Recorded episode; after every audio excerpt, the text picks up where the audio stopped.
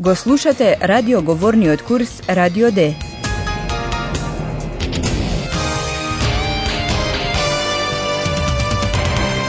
Заеднички проект на Гете институтот и Радио Дојче Веле. Авторка е Херат Мезе.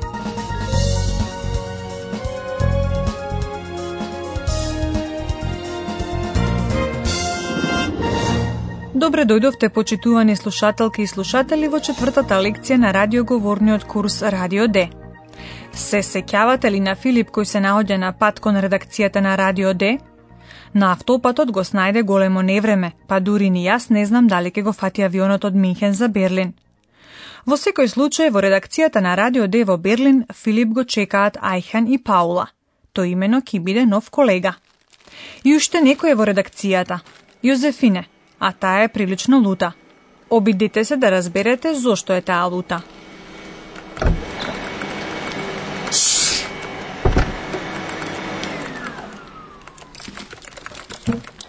I, was ist denn das?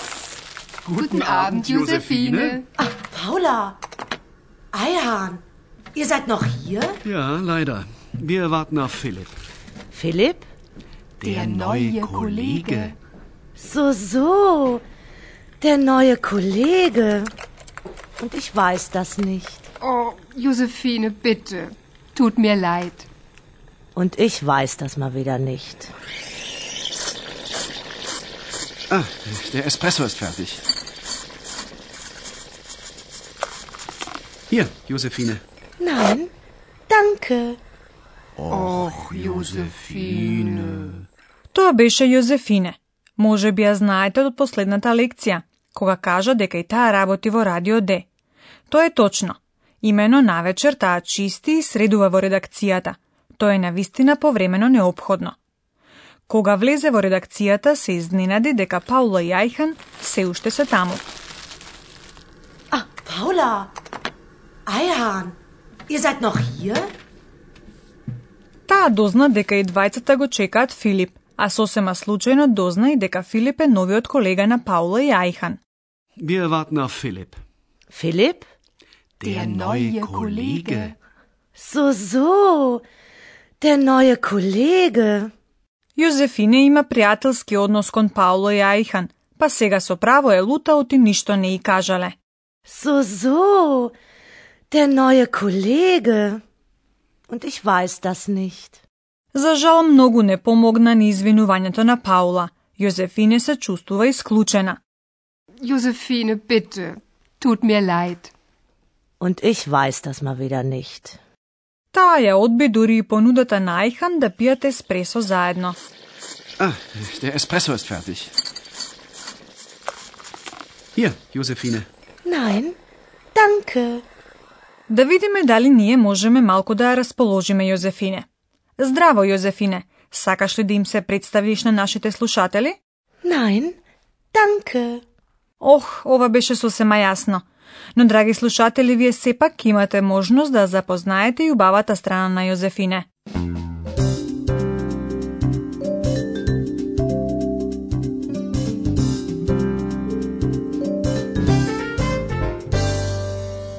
Меѓувреме да видиме што прави Филип, кого во Берлин го очекуваат со нетрпение. Сиромашкиот, тој се уште е во Минхен. Поради дождот го пропушти авионот за Берлин, но за среќа најде билет за наредниот лет. Имате ли идеја што ќе прави Филип во меѓувреме? Слушнете дали сте во право.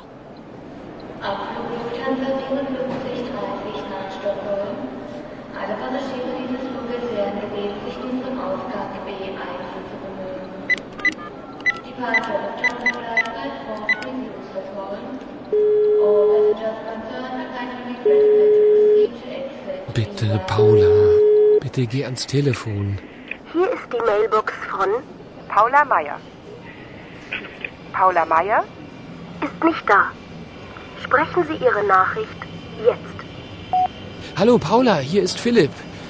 Ich bin noch in München, tut mir leid. Meine Maschine ist um 11 Uhr in Berlin. Ciao.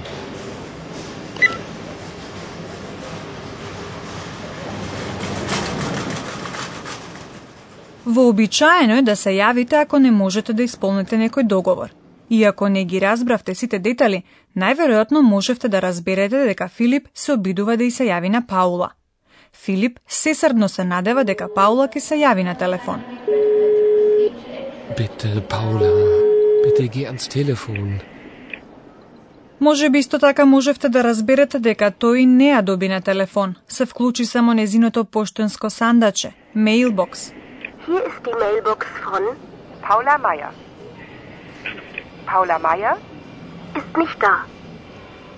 Функцијата на поштенското сандаче е да ја сними пораката. Се разбира ако сакате да оставите. Sprechen Sie Ihre Nachricht jetzt. И тоа Филип го прави. Која порака ја остави на Паула? Па да, прво се разбира кој е и каде се наоѓа. Hallo Paula, hier ist Philipp. Ich bin noch in München. Можете да си замислите колку му е жал на Филип што не може да се придржува до договореното. Tut mir leid. Може би на крајот на сцената ги слушнавте зборовите машине и Берлин. Машине во говорниот јазик значи авион. Но само извинување не им користи многу на оние кои чекаат во Берлин. Затоа Филип уште кажува кога ќе слета неговиот авион во Берлин. Tut mir leid. Meine Maschine ist um 11 Uhr in Berlin. Ciao. Филип значи ќе пристигне дури во 11 часот навечер. Паула, која во меѓувреме го преслуша незиното поштенско сандаче, си замина заедно со Ајхан од редакцијата, а таму Јозефина остана сама. Сега таа има време да ја преработи новата ситуација. Слушнете ја и внимавајте на тоа како реагира на повикот во редакцијата. Das für heute. Gut. Okay. Josephine! Tschüss! Tschüss. Schönen Abend noch.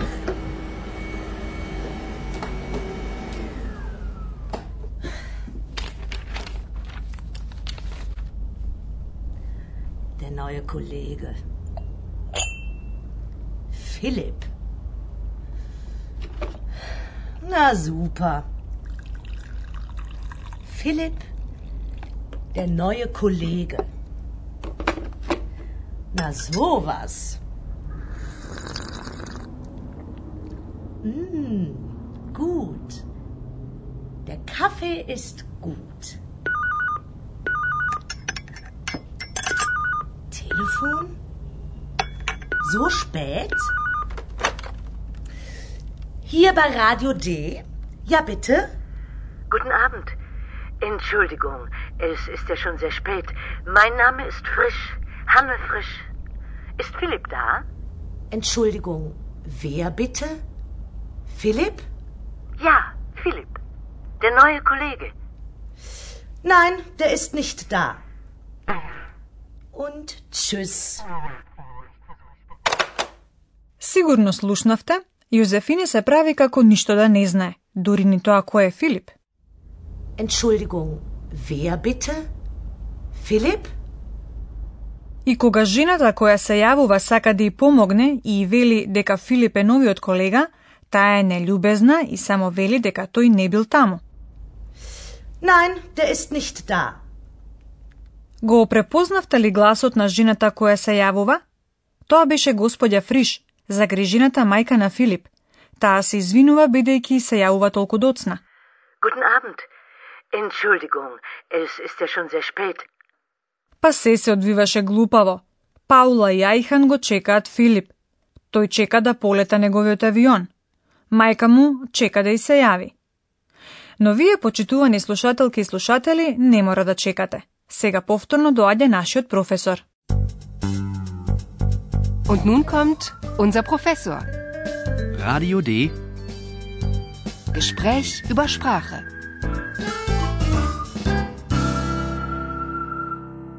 Да, навистина се се одвиваше глупаво. И сега е умесно да се извиниме. Денеска би сакал да ви кажам како да го направите тоа на германски. Наедноставно се разбира да се рече Entschuldigung. Извинете. Entschuldigung. Entschuldigung. Entschuldigung, es ist ja schon sehr spät. Или пак да употребите изреката tut mir leid, жал ми е. Tut mir leid. Tut mir leid. Josephine, bitte. Tut mir leid. Tut mir leid. Се разбира, може и да комбинирате. Entschuldigung, tut mir leid. Tut mir leid. Entschuldigung. Но едноставно може да кажете и сори. Sorry. Oh, sorry. Entschuldigung. Да, да, англиското sorry е типично изразување за младите. Ах, господине професоре, вие самиот се уште сте млад. Но сега за сега многу ви благодарам. Вие, почитувани слушателки и слушатели, за крај, слушнете ги уште еднаш сцените од оваа лекција.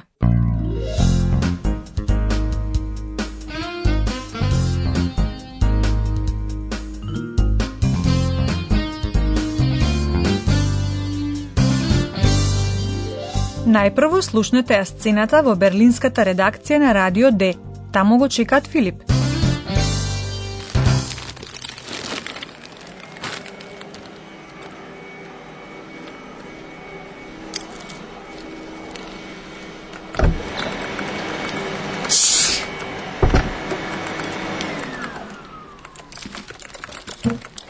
И, was ist denn das? Guten Abend, Josephine. Ach, Paula. Eihahn. Ihr seid noch hier? Ja, leider. Wir warten auf Philipp. Philipp? Der neue Kollege. So, so. Der neue Kollege. Und ich weiß das nicht. Oh, Josephine, bitte. Tut mir leid. Und ich weiß das mal wieder nicht. Ah, der Espresso ist fertig.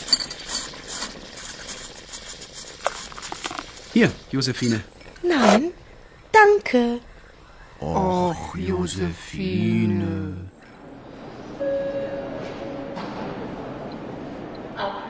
И додека во Берлин го чекаат Филип, тој очајно се обидува да ја добие Паула на телефон.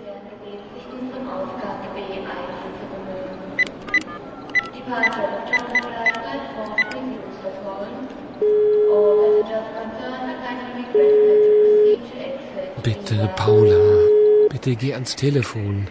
Hier ist die Mailbox von Paula Meier. Paula Meier? ist nicht da. Sprechen Sie Ihre Nachricht jetzt. Hallo, Paula, hier ist Philipp. Ich bin noch in München. Tut mir leid. Meine Maschine ist um 11 Uhr in Berlin. Ciao.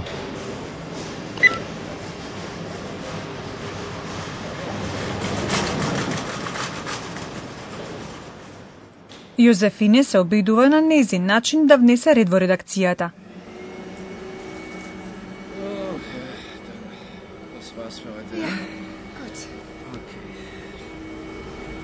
Josephine, tschüss. Tschüss. Schönen Abend noch.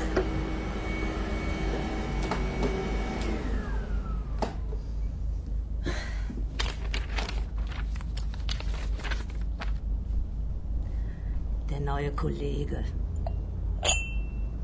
Philipp. Na super. Philipp, der neue Kollege. Na sowas. Mm, gut. Der Kaffee ist gut. Telefon? So spät?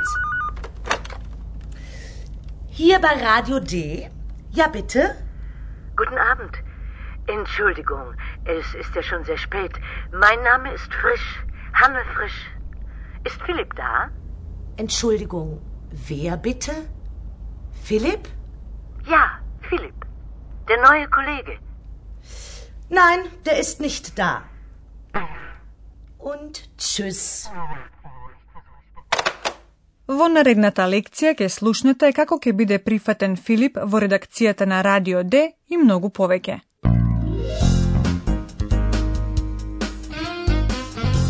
Bis zum nächsten Mal, liebe Hörerinnen und Hörer.